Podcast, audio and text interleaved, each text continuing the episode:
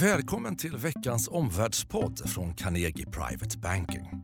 Omvärldsstrategerna Helena Haraldsson och Henrik von Sydow belyser tre händelser inom makro och politik som påverkar de finansiella marknaderna. Välkomna! Omvärldspodden den 27 april. Henrik von Sydow här.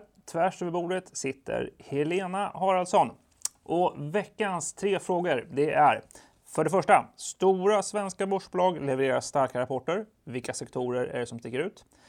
Andra frågan, valutamarknaden. Dollarn går svagare. Vad betyder det för privata investerare? Och till sist, Trumps 100 första dagar. Vad har investerarna lärt sig? Direkt på den första frågan. Eh, Helena, stora svenska börsbolag som Sandvik, Volvo, Investor, Tele2 har levererat väldigt starka rapporter. Vad ser du i de stora bolagsvinsterna? Ja, det har ju varit en flod av rapporter, men med väldigt många positiva överraskningar. Bara den här veckan så kommer vi ha fått 100 bolagsrapporter, väldigt stor del av börsens totala värde. Och det här kommer ju då ge oss en hel del slutsatser och har redan gjort det. Mm. Vilka sektorer tycker du har överraskat mest? Och då tycker jag man ska lyfta fram verkstadssektorn. Den är konjunkturkänslig. Det började med SSAB, mycket stark rapport, stark kursuppgång. Sen kom Sandvik, lite samma sak och sen kom Volvos fantastiska rapport. De här bolagen bekräftar att gruvnäringen går lite bättre. Många av dem lyfter fram bra efterfrågan i Europa men även bredare i världen. Och de lyfter också alla fram bättre orderingång som är väldigt framåtblickande. En annan sektor man kan eh, poängtera det är att bankerna de är fortfarande vinstmaskiner trots en lågräntemiljö.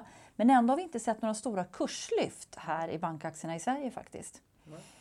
Eh, mycket positiva rubriker förstås i tidningarna. Ja. Eh, ser du några negativa signaler på det som vi vet? Ja, det bolag som var en riktig besvikelse det var väl kanske Ericsson då, som rapporterade dels fallande försäljning men också förlust. Då. De kommer fortsätta ha det tufft en tid.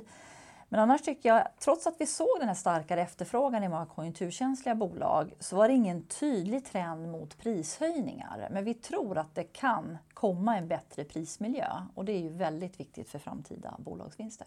Då kan de lyftas ytterligare. Så slutsatsen då blir ju att det är så tydligt nu att vinsterna förbättras. Verkstadsrapporterna är väl någon form av ultimat bekräftelse på att världsekonomins uppgång är bredare och lite starkare. Och de här bättre vinsterna är viktiga för det är ett stöd till börserna på de här höga nivåerna. Mm.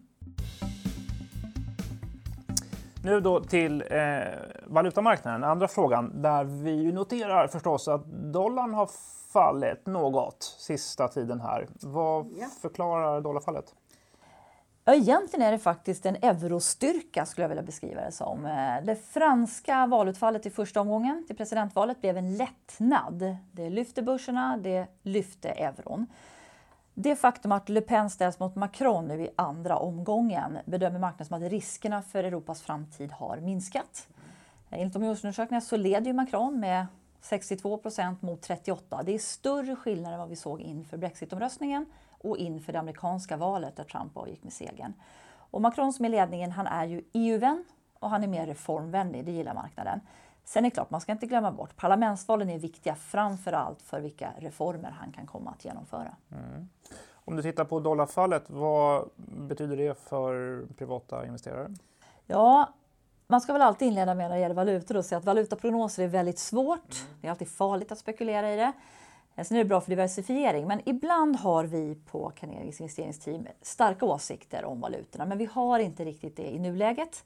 Utan det man kan konstatera är att den här 2,5-3 procentiga styrkan vi har sett i euron sedan franska valet, det är framförallt en signal om starkare optimism kring regionen mm. och att man nu då kan sätta fokus på konjunktursignaler och vinster, inte den politiska scenen lika mycket. Sen är det så att om man hade varit en amerikansk investerare som hade köpt europeiska aktier, ja, då hade man ju fått en extra avkastning när euron går starkt. Eh, men så blir det ju inte för en svensk investerare och det beror ju på att valutakursen krona-euro har ju rört sig betydligt mindre. Här blir det mycket viktigare, penningpolitiken från Riksbanken och ECB. Och idag såg vi ju då hur Riksbanken förlänger sina stimulanser. De är fortfarande väldigt duvaktiga. Det här gav en viss kronförsvagning. Mm. Vad tycker du är slutsatsen för investerare? Ja, valutorna har inte rört sig så mycket sedan årsskiftet, men den senaste veckans rörelse, svagare dollar, starkare euro, är framförallt en bekräftelse på en bättre optimism för Europas framtid. Ja, den tredje frågan då, Henrik. På söndag har ju Donald Trump varit amerikansk president i 100 dagar. Vilken betydelse har de 100 första dagarna egentligen? De kan ibland tyckas som mytomspunna. Det är ett väldigt fokus på de första 100 dagarna. Det bidrar ju presidenter ofta själva till att göra. Trump eh, var ju noggrann med att peka på hur mycket han skulle åstadkomma under de första 100 dagarna. Nu tonar han ju faktiskt ner betydelsen av de första 100 dagarna. Det här är viktigt politiskt därför att eh, ju mer fronttunga reformer du har som kommer tidigt, det lägger du oftast för att du ska få effekten av dem i slutet på den politiska cykeln. Så att de positiva effekterna som en högre tillväxt, starkare sysselsättning och stigande löner ska komma väljarna till gang och därför gynna ett omval då av presidenten. Så därför bedöms det ofta som politiskt viktigt i det här. Ehm, det är väl betydelsen. Egentligen är det lika viktigt att titta på det första året eh, för Trump mm. skulle jag säga. Alltså det kommer ju avgöra när vi kommer in i nästa år då tror jag att det kommer att vara mycket svårare för Trump därför att då går Republikanerna till kongressval igen och då kommer eh, kongressledamöterna ha fokus på hur de faktiskt blir omvalda. Så han, hans momentum är ja, det här året. Så att säga. Mm. Tycker du att marknaden har lärt sig läsa Trump på de här 100 dagarna? Eh, ja, det får man faktiskt säga. Alltså man har lärt sig, investerare och placerare har lärt sig att Trump är i varje fall är okonventionell i sitt kommunicerande. Eh, min bedömning är också att Trump har tappat i trovärdighet på de finansiella marknaderna. Eh, kanske inte bara där, kanske också i kongressen, vilket kan påverka hans möjligheter till eh, reformer framåt. Men ja, vi ser inte samma skarpa reaktioner eh, på hans twittrande, även om det förstås mm. fortsätter att störa och skaka. Men det, det, det är kortsiktiga och något mildare effekter än vad det var inledningsvis. Mm. Så vad är slutsatsen då för de nästa hundra dagarna? Ja, jag tror att slutsatsen, ja, det vi har sett är just att han har väldiga eh, problem med genomförbarhet. Att ta fram förslag som mm. är verkligt genomförbara. Vad är genomförbarhetskriterierna? Jo, det är, finns det egentligen juridiskt förberedda förslag? Mm. Finns det en finansiering på reformerna? Eh, går de att förankra i kongressen? Mm. Och finns det också en rimlig grad av förutsägbarhet för, för investerare i detta. Eh, mm. Det där är kriterierna att pröva hans förslag i. Det är så mycket rubriker, det är så mycket tweets, det är så mycket noise. Håll blicken på bollen. Alltså, vilken grad av genomförbarhet finns i, i hans förslag? Så håll ett vaksamt öga på detta skulle jag säga. Eh, detta gör vi förstås för att vi vill ju se vilka reformer är genomförbara och därmed också varaktiga. Och ställ sig också förstås frågan var uppstår den verkliga effekten av reformer som leder till en förbättrad finansiell avkastning för mm. dig som investerare. Så slutsatsen blir lite fokus på genomförbarhet? Håll blicken på genomförbarhetskriterierna.